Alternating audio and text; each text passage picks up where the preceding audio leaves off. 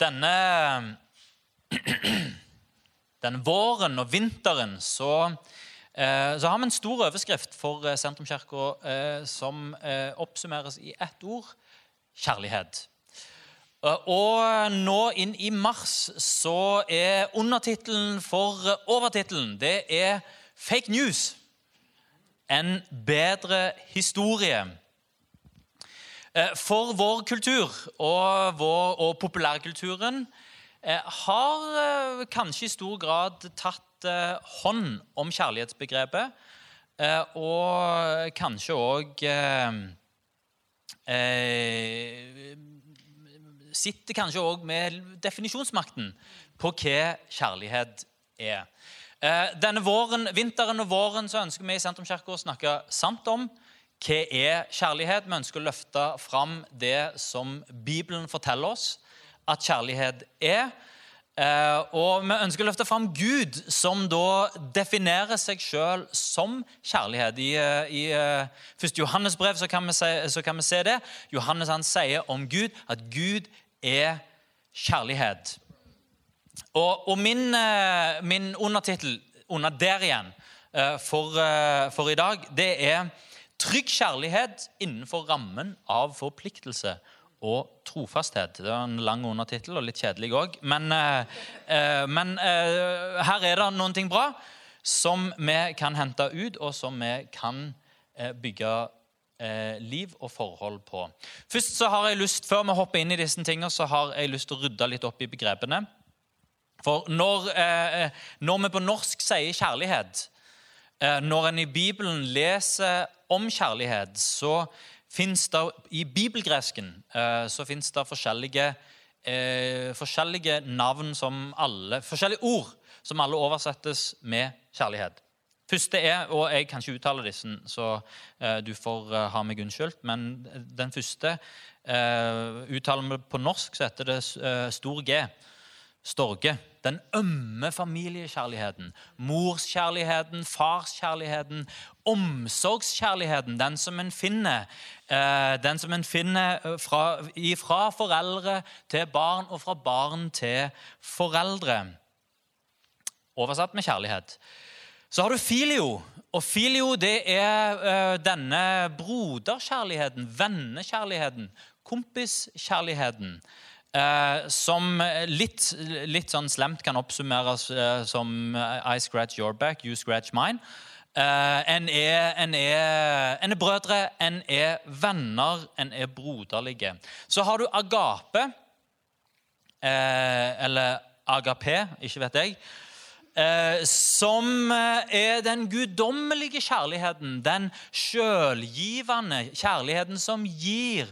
Kjærligheten som gir seg sjøl, kjærligheten som gir sitt liv. Jesus sier ingen har større kjærlighet enn den som gir sitt liv for sine venner. og Da er det snakk om den guddommelige kjærligheten. Eh, Så har vi et fjerde. Det oversettes ikke med kjærlighet, kjærlighet men med gjestfrihet. Eh, Men det er òg en type kjærlighet. Den som er god mot eh, naboen, og den som er god mot den fremmede. Og Så har du da til slutt eros, som vi hører henger sammen med erotikk. eh, Som er den romantiske og den erotiske kjærlighet. Og Vi skal fokusere på den siste der i dag. So help me God. Ehm, For skal vi snakke sant om kjærlighet, så trenger vi òg å snakke om den romantiske og erotiske kjærligheten. Og hva slags ramme Bibelen setter for, for denne typen kjærlighet. Hva dominerer vår kultur? Eh, kanskje er en av de, de dominerende narrativene i vår kultur er en 'har du lyst, så har du lov'. Så lenge voksne mennesker har bestemt seg, så lenge voksne mennesker er enige og har lyst, så er det greit. Spørsmålet er hvor gode rammer gir det egentlig for å leve ut den romantiske og erotiske kjærlighet. En har en følelsesstyrte kjærlighet, og det er et råd som en hører igjen og igjen, relasjonsråd, som handler om å følge hjertet. Følg hjertet ditt. Eh, hva skal jeg gjøre for noe? Nei, men følg hjertet ditt. Og så tenker vi at det høres så fint ut, og jeg har sagt det sjøl òg. Følg hjertet ditt. Hva sier hjertet ditt? Hva vil hjertet ditt for noe? Men hva betyr det? Betyr det egentlig følg det følelsene sier? Hva er det som føles rett? Og hva skjer når en tar relasjonsvalg basert på følelser? Da får en gjerne de overskriftene jeg, jeg, jeg måtte google det. Kjærligheten tok slutt. Altså, Der er et hav av avisartikler. mest på, Eller ikke bare avisartikler, det er mest på seher.no. Altså det er Se og Hør sine, sine nettsider. Kjærligheten tok slutt. Fordi at følelsene våre de går opp, og følelsene våre de går ned. Og spørsmålet er det en Er det et godt råd, og er det et godt relasjonsråd å si 'følg hjertet'? Ifølge Jesus så er menneskehjertet ikke sete bare for godhet, men òg for menneskelig svik og for menneskets egoisme og begjær. Å følge hjertet kan lede oss til steder der hodet ikke hadde tenkt de skulle være, og hvor en kanskje i ytterste konsekvens ikke har lyst til å være heller. Så samfunnet vårt har en sånn eh, Og vi velger jo vi velger hvor vi lytter. Eh, vi velger hvor vi vil ha veiledning. Eh, og når eh, populærkulturen og samfunnet vårt skal gi oss veiledning i forhold til rammene rundt Eros, eh, så er det en slags schizofreni vi hører to forskjellige råd samtidig. For det ene er en sånn, litt sånn ubegrensa frihet der vi skal respondere på følelsene. Litt den der 'har du lyst, har du lov'.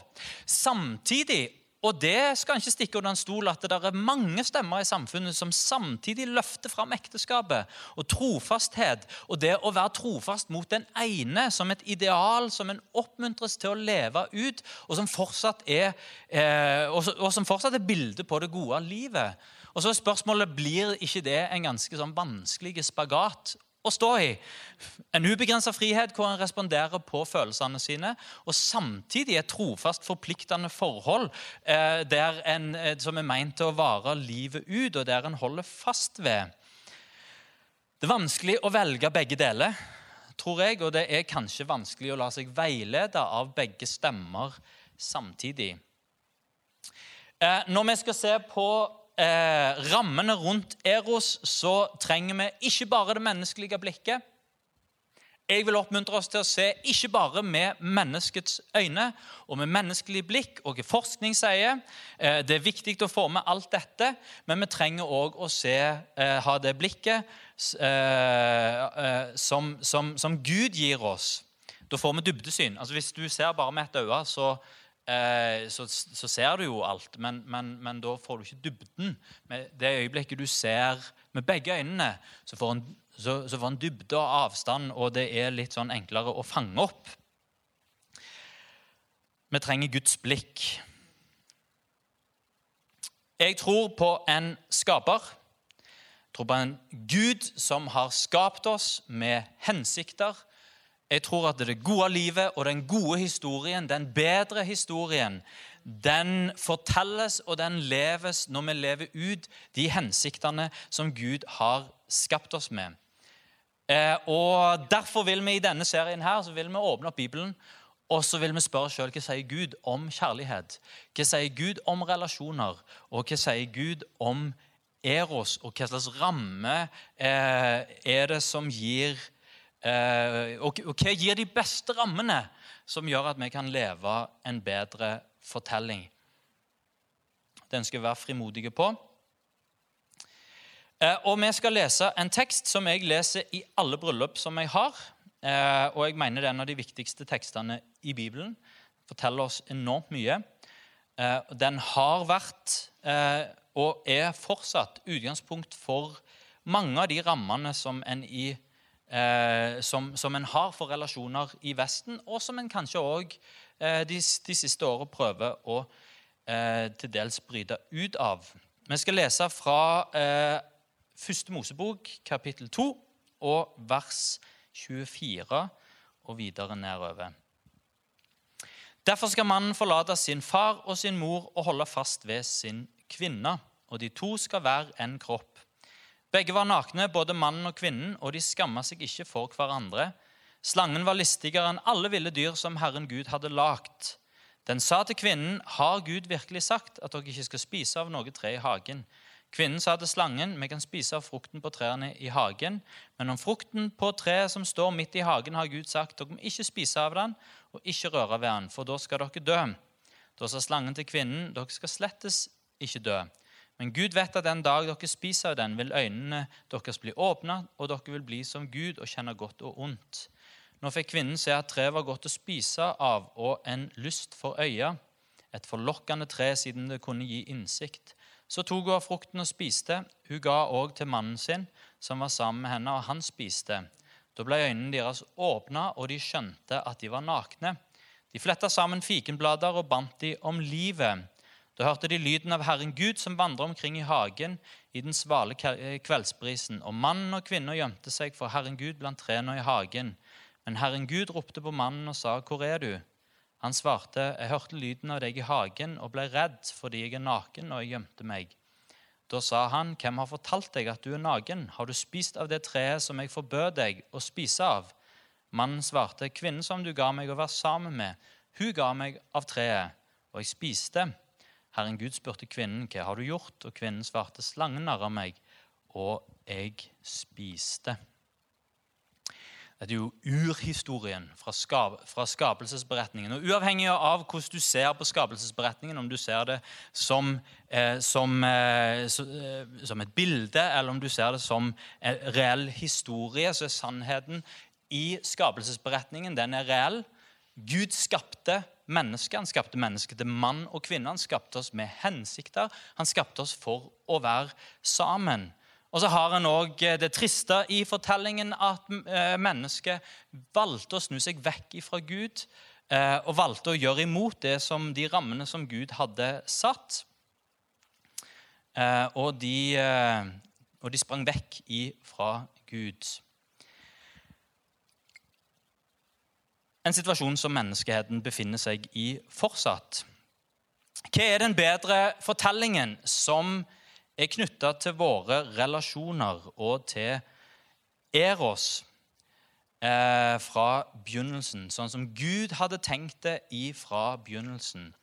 Jeg har lyst til å lese de to første versene en gang til. Derfor skal mannen forlate sin far og sin mor, holde fast ved sin kvinne, og de to skal være en kropp. Begge var nakne, både mannen og kvinnen, og de skamma seg ikke for hverandre. Den første tingen der er jo, eh, det er jo interessant, for det er jo, eh, det er jo utgangspunkt for krangler over hele verden. Eh, det begynner med at mannen skal forlate sin far og sin mor.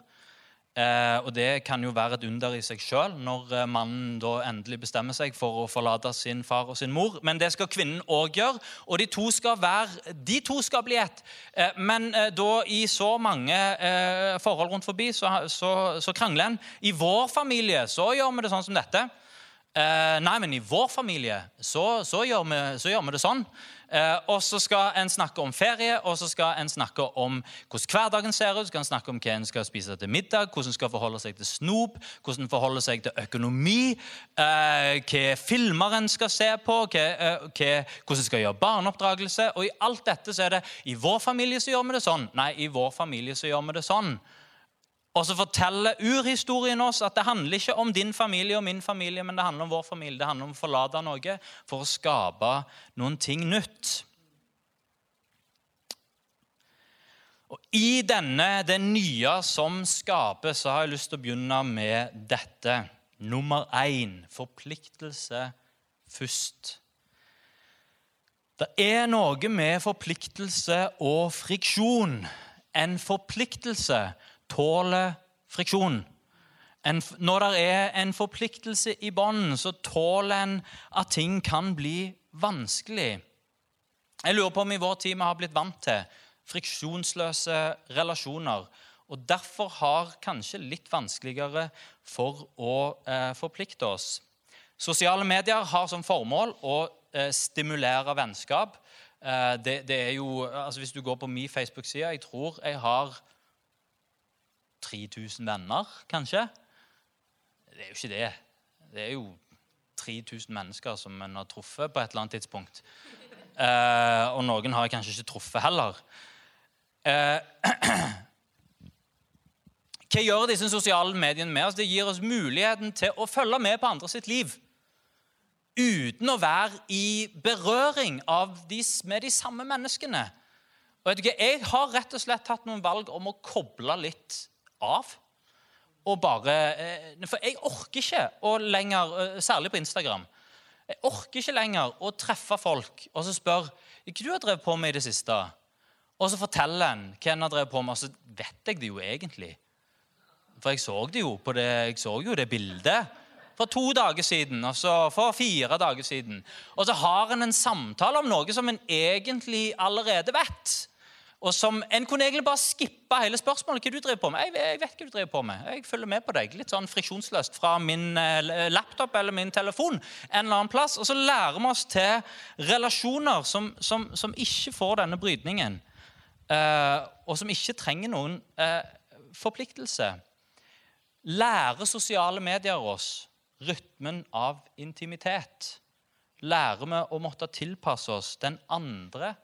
Lærer vi oss å slipes av og endres av den andre?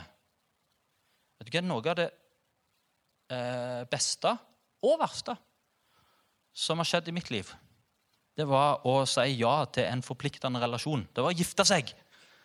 Det var noe av det beste og noe av det verste. Fordi at, jo, for det fører til det er, det er friksjon i det. Ordspråkene sier at jern slipes mot jern. Og En hemmelighet med mann og kvinne er at den er ganske forskjellige. Eh, og at det vil være gnisninger. Og en vil slipes i møte med hverandre. Og det kan av og til gjøre vondt. Og i det så fins òg det vakre. Så fins det gode.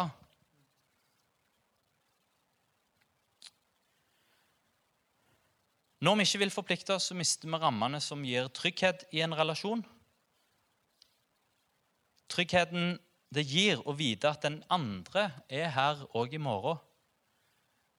Og en sånn trygghet kan ikke et romantisk forhold utelukkende basert på tiltrekning og romantiske følelser skape. Bare tenk på vår tid òg med så mye med, så, så, så, så mye vi profilerer oss gjennom bilder og utseende. Og hvordan skal eh, Det kan jo gi usikkerhet, det òg. For tiltrekning basert på et utseende. Romantiske følelser basert på et utseende. Ja, men er du glad i meg? Kjenner du meg? Forsvinner du hvis du ser hvem jeg er? Ikke bare bildet av hvem jeg er. Tryggheten det gir å vite at den andre er der i morgen den tryggheten den gir gode rammer for kjærlighet. Vår tid har fått et litt sånn trøblete forhold til sex og relasjoner. Og der relasjoner ofte blir forbigående. Og her, her er det seriøse undersøkelser fra USA. Eh, og de følges opp av eh, undersøkelser fra eh, resten av den vestlige verden. Det er helst den vestlige verden som, som driver med undersøkelser på sånn som dette. I den tredje verden er en mindre interessert i det. Men i den vestlige verden så viser undersøkelser samme trenden. Hva da for noe? Unge mennesker debuterer seksuelt mye seinere Eller mye i undersøkelsessammenheng seinere og ganske mye seinere enn en gjorde for bare en generasjon siden. Uh, en har færre sexpartnere. En, det er større sjanse for at en er avholden eller er jomfru, aldri har hatt sex. En tredjedel av alle unge voksne i Japan mellom 18 og 34 år har aldri hatt sex. Og halvparten av de vil heller ikke gifte seg. Og for de som har et kristent verdisyn som meg sjøl, som, som, som, tenker at sex hører til innenfor rammen av ekteskapet mellom mann og kvinne, så er jo dette fantastisk. Wow! Men bak tallene så er det mer litt sånn trøblete forhold enn et endra verdisyn. Eh, fordi, og det som ligger bak, er rett og slett en har vanskelig for å forholde seg til andre mennesker. En har trøblete syn på sex. Flere sier at forhold er stress, og hele det greiene der det er bare stress. Jeg bare skyver, bare skyver det vekk. Og en er dårligere skikka til å takle forhold. Og grensen for hva som er et forhold, og hva som ikke er et forhold, er òg i ferd med å viskes ut. En journalist som heter Kate Julian, som da har gått gjennom alle har skrevet en, en, en lengre artikkel i The Atlantic eh, om disse her trendene som går ikke bare i USA, men i hele den vestlige verden. Eh, og, og, det å gå gjennom tallene og spørre hva er det, hva er det som, som Hvorfor har det blitt sånn? Eh, og eh, To av de tingene som hun henter fram, den ene er en manglende kultur for hvordan en innleder et forhold. Hun snakker om i, eh, i, USA, hvor det er blitt en sånn hookup-kultur. Eh, som er Jeg vet ikke hvem skal kalle det på norsk. Eh, jeg tror ungdommen snakker om å hooke. Så, så er, det, er, et eller annet der som funker i Norge òg. hva er det for noen ting? Jo, det er, det er uforpliktende relasjoner som kan gli over i benefits. Ja, ikke vet jeg. Dette kan jeg ikke. Uh, dette bare, jeg har bare lest noe som meg som heter Kate Julian sier. I Norge så har, en, så har det utviklet seg en sånn eh, eh, terminologi som, som, som, er, som, handler om å holde på. Ingen som har hørt om det her? er dere kjærester? Nei, vi holder på. Hæ? Ja, hva det betyr? Og så spør en forskjellige folk hva det betyr å holde på. Jeg har spurt flere. Hva betyr det å holde på? Eh, noen sier ja, nei, det er bare å date og ta en kopp kaffe, og så snakker vi sammen og ser liksom, er det noe mer. Og så er det andre som sier ja, nei, det er litt mer enn det. Eh, da, da eh, gjør en både det ene og det andre. Eh, da er en litt kjærester uten å være kjærester. Eh, og liksom teste ut, eh, så har, så har, vi en sånn, en, en sånn samlebegrep for eh, et forhold som ikke er et forhold, som handler om å holde på. Og en blir usikker. Hvor har vi hverandre hen? Hvor, hvor er du hen? Og hvor er jeg hen? Hvem er vi? Vi holder på, men hva betyr det? Er dere sammen? Ja, er vi sammen? Ja, jeg vet ikke. Utrygge rammer. Kate Julian sier at dette, den usikkerheten knytta til eh, sånn uh, hookup-kultur og usikre, utrygge rammer gjør at mange bare hopper av hele greiene. Tenker det der, det, det, det orker jeg ikke forholde meg til. Uh, det får bare klare meg uten. Uh, og, så, snakker hun om det, the Tinder mirage. Luftspeilingen som online dating gir oss Eh, og En luftspeiling er jo noe som du ser i ørkenen. En fata morgana, eh, der du, du, du, eh, du, ser noe, og det er jo der, men det er ikke der. Det er noe som du ser, som du ser, men som ikke er reelt. Online dating gir uendelige muligheter, men gjør det, ifølge Kate Julian, gjør det vanskeligere å slå seg til ro med én partner fordi det er så mange muligheter. Og her er det jo noen bra ting, for dette, altså, muligheter er jo bra. Eh, og av og til så kan en jo kanskje føle, hvis at en er på utkikk etter så, ja, men eh, Utvalget er litt lite, og så plutselig så er det mye større. Så her, her er det jo sikkert bra ting òg. Men Kate Julian eh, mener at, og sier at eh, det, i det store, i makrobildet, så fører dette til at en bruker, akkurat som med Facebook og med Instagram, Istedenfor å reelt sett være ute og treffe folk, så sitter en foran en skjerm og treffer et bilde. Eh, og det gjør en vant. Det, det stjeler tid fra mennesker og fra relasjoner. Og vi blir vant til relasjon uten friksjon. Kanskje skaper det òg et stadig søk etter den neste og vanskeligheter for å slå seg til ro med den første en drift mot nye relasjoner. Og siden relasjoner er ufarlige, så, gjør, så er det òg enklere å gå mot en ny relasjon. Forholdet begynner å få utfordringer. Hvis en er vant med drift mot nye relasjoner, så er det ikke sikkert at det er så, så bra. Men fortsatt så lever altså denne romantiske ideen om at vi skal møte den andre, sjelevennen, den vakre, den smarte, livsledsageren, kompanjongen, elskeren, vennen, den som jeg skal falle til ro sammen med. Den som er med og gir livet innhold og mening. Og så tenker vi kanskje at jo, men den personen er kanskje bak den neste. som jeg møter, den neste jeg faller for Jeg har lyst til å slå et slag for forpliktelse. Når en mann og en dame sier ja til hverandre, da skapes det trygghet. Det gir trygg kjærlighet. Trygg kjærlighet hvor en kan være seg sjøl, hvor en kan slappe av. Det gir trygghet for en sjøl, og det gir trygghet for ens etterkommere. Hold fast. Gjør sånn som eh, Skriften forteller oss her. Derfor skal mannen forlate sin far og sin mor og holde fast ved si kvinne. Ikke la oss forføre av luftspeilingene som nettet gir oss. Relasjoner er ikke et glansa bilde som ikke snakker tilbake, eller som, eh, som, ikke gir oss friksjon. Relasjoner er vanskelige, relasjoner er skjøre, relasjoner må, må, må, må jobbes med, og relasjoner de fungerer aller best, best innenfor eh, en ramme av forpliktelse. Hold fast ved den du har sagt ja til. Hold fast ved din ektefelle. Men så oppmuntrer Bibelen oss òg til å holde fast ved din venn. Og hold fast ved din fars venn.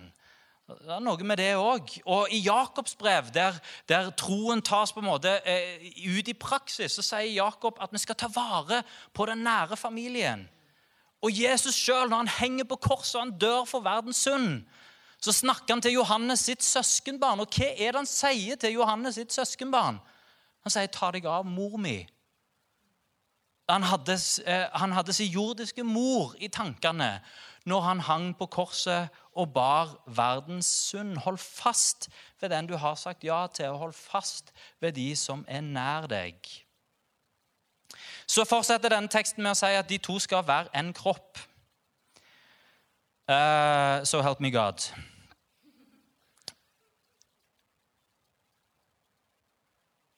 I vår tid så promoterer en sex uten forpliktelse.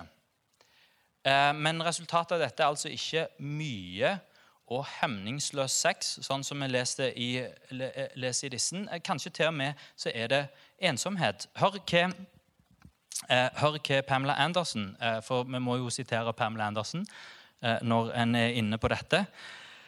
Hun var i intervju med Skavlan for to år siden og sa dette om den seksuelle revolusjonen i Vesten. Hun mente den har brakt med seg noen bra ting, men har etterlatt seg mange ensomme mennesker. Og så fortsetter hun med å si at mange av hennes venner som nå begynte å bli gamle, sitter igjen ensomme og skulle ønske at de holdt fast ved den som de elsker. Vestens utfordring er vi vil ha frihet og selvbestemmelse, men vi vil òg ha intimitet.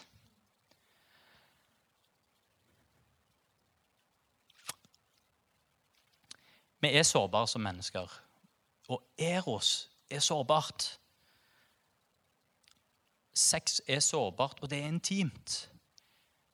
Tenk så bra å ha ei ramme av forpliktelse der en kan være trygg på hverandre, og der en kan sette den rammen, og så uh, forplikte seg først til og ha sex etterpå. Samme journalisten Kate Julian uh, sier dette. Vi har sex fordi det er gøy. Eh, det gjør oss glad, eh, og det skaper òg eh, Fordi her i vår kultur så er det vi har sex fordi det er gøy, og det gjør oss glad. Ferdig. Det er gjerne det som er narrativet om sex. Men hun fortsetter det skaper òg bånd mellom oss. Og Da er jo spørsmålet ønsker en å etablere bånd til mennesker som en ikke er forplikta overfor, og som heller ikke er forplikta overfor meg. Paulus oppmuntrer ektefolk til å ikke holde seg vekke fra hverandre. Hvorfor? Eh, fordi, eh, med Kate Julian sine ord fordi det er gøy, eh, og fordi det gjør oss glad. Det er en sånn stress relief, eller stressavleder. Og fordi det kobler oss med den som vi er forplikta til. Det styrker kjærligheten, og det skaper bånd. Forplikt deg til den du elsker, og elsk den du er forplikta til. Å ha sex fordi det er gøy og fordi de gjør deg glad, og fordi de kobler deg sammen. Ekteskap er den dypeste form for forpliktende relasjon mellom mann og kvinne. Det er et følelsesmessig bånd som sier det er ikke min familie og din familie, men det er vår familie. Det kobler to hjem, ikke mitt hjem og ditt hjem, men vårt hjem. Det kobler to økonomier. Det er ikke dine penger og mine penger, men våre penger. Det er jo bare trist å se ektefeller eh, som, som, snakker om dine penger og mine penger. Hæ? Eh, min lønn og din lønn. Ja, du får betale det, og så betaler jeg det. og så Her har jeg ekstra penger sånn, og du har ekstra penger sånn. Hæ? Nei! To. Eh, det er ikke to økonomier, det er én. To har blitt én. Det er et økonomisk bånd som sier 'ikke mitt og ikke ditt, men vårt'. Og Det er en juridisk avtale der en er forplikta ikke bare overfor hverandre, men han har gjort sin forpliktelse òg overfor resten av samfunnet. Wow, tenk så trygt! Og det er ikke bare overfor resten av samfunnet, men det er òg overfor Gud. Så her har vi lagd noen trygge, gode rammer. Og så er det òg en seksuell relasjon. To blir ett, og en deler seng. Det er uselvisk. Det handler ikke om meg, men det handler om deg. Det er eksklusivt. Det er bare deg, ikke alle andre. Og det er forpliktelse. Det er alltid bare deg. Du kan stole på meg. Og så den siste. So help me God. Begge var nakne, og de skamma seg ikke for hverandre. Nakenhet uten skam, er det mulig? Det er faktisk et godt spørsmål. For, eh, for uansett hvor mye mennesker prøver å dra skam vekk fra nakenhet og sex, så er det det, det kleber seg fast. Eh, vi er, vi er Altså, ingen dyr skammer seg. Dette bare å følge med på hunder, kaniner, eh, osv. De, de, eh, de gjør det som de har lyst til å gjøre, og tenker ikke på om du følger med på dem, eh, for de bare følger sine instinkter. Eh, men mennesket kan ikke bare følge sine instinkter. Eh, vi kan ikke bare dra av oss alle klærne og springe ut i eh, gata. Vi kan ikke bare hoppe på den første og beste, fordi eh, dette, dette her Der er liksom noe som som holder oss fra det. Vi følger ikke våre, kun våre instinkter. Hvorfor er en skamfull over å være naken? Og dette gjelder jo i alle kulturer. Til og med de mest avkledde kulturene så, klar, så har en, en, eller annen fantasifullt fikenblad eh, som, som, som, dekker iallfall et eh, ekstremt minimum. Eh, og en har en tanke om at vi som mennesker vi er påkledd. Det er ikke uten grunn at eh, begrepet 'å bli avkledd' ikke er et sånn veldig positivt begrep. En forsvarsspiller som ble avkledd, det betyr ikke at eh, han er ripped og liksom ble kledd av for å vise hvor store muskler han hadde. Men forsvarsspilleren som ble avkledd i, eh, av stjernespissen, eh, har gjort en dårlig kamp og står skamfulle igjen og er avkledd. Og så sier Bibelen her at begge var nakne, og de skamma seg ikke for hverandre. Det er Guds tanke for mennesket. Naken uten å skamme seg, det kan være der det er forpliktelse, og der det er kjærlighet. Se for deg at du har bærer på en skamfull hemmelighet, eh, og som du trenger å få av skuldrene. Når kan du få det ut av, av skuldrene dine? Det kan du få innenfor rammen av en sjelesorgsamtale. Fordi du vet at der fins det en forpliktelse hos sjelesørgeren til å holde dette innenfor det sjelesørgeriske rommet. Og dette er en samtale mellom oss to. Du vet at du får det hos, hos en psykolog eller hos helsepersonell. Som, og her er det en ramme hvor jeg kan fortelle det som jeg syns er vanskelig, fordi jeg stoler på at du holder dette innenfor rammene av vår samtale. Eh, det er en forpliktelse som gjør at en kan være sårbar, og en kan kle av seg. Det samme har en i en relasjon hvor en er elska. Ekteskapet er meint å være en sånn relasjon der en kan kle av seg og vise sin sjel. Vise hvem en er. 'Dette er meg. Dette er det som pågår i livet mitt. Sånn er jeg. Dette har skjedd. Dette skjer nå. Se meg. Se hele meg. uten å bøye hodet i skam, men å kunne være med løfta hode, for de var nakne, uten å skamme seg for hverandre. Fordi det fins trygghet. Tryggheten fins fordi det fins kjærlighet. Og det fins forpliktelse. Du stikker ikke av i morgen. Du er der da òg.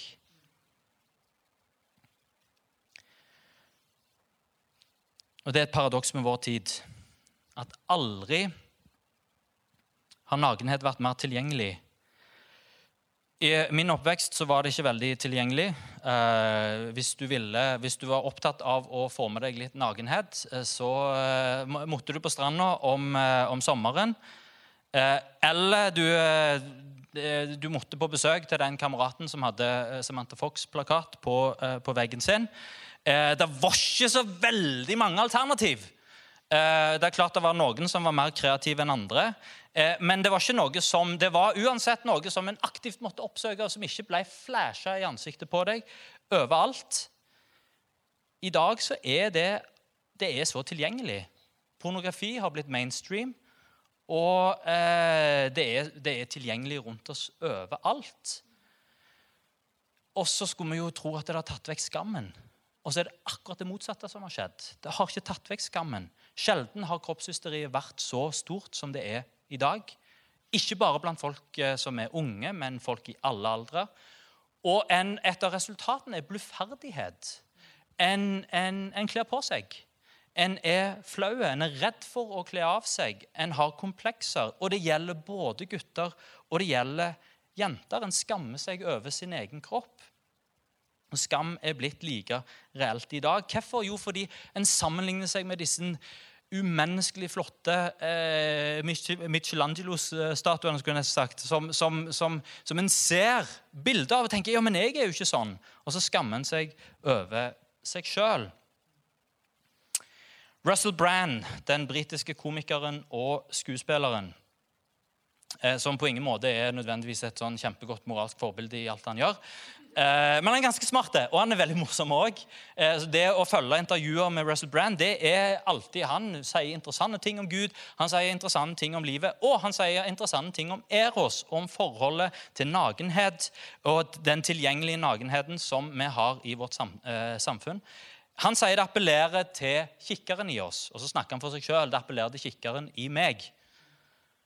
Og Så snakker han om seg sjøl igjen og sier det, det får meg til å objektivisere andre mennesker, ser, de på, ser på de som objekter, ikke som mennesker, og det overføres til livet.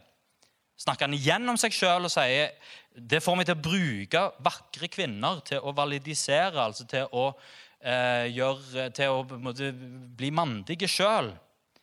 Og det påvirker evnen til å forholde seg til det motsatte kjønn. Og så avslutta han med å si If you're constantly bombarded by great waves of filth, it's really difficult to remain connected to the truth. Det er enklere å forholde seg til mennesker på skjerm enn det å forholde seg til ekte mennesker. Det er ødeleggende for hvordan vi relaterer til hverandre, hverandre og det er ødeleggende for relasjoner. En må leve opp til umulige kroppsidealer, en blir flau over kroppen sin. Større bluferdighet og skam. En løsriver seksualitet ifra den andre gjør vår seksualitet egoistiske, objektivisere, en glemmer at bak bildet så er det et menneske, og en tenker det er jo ikke så farlig.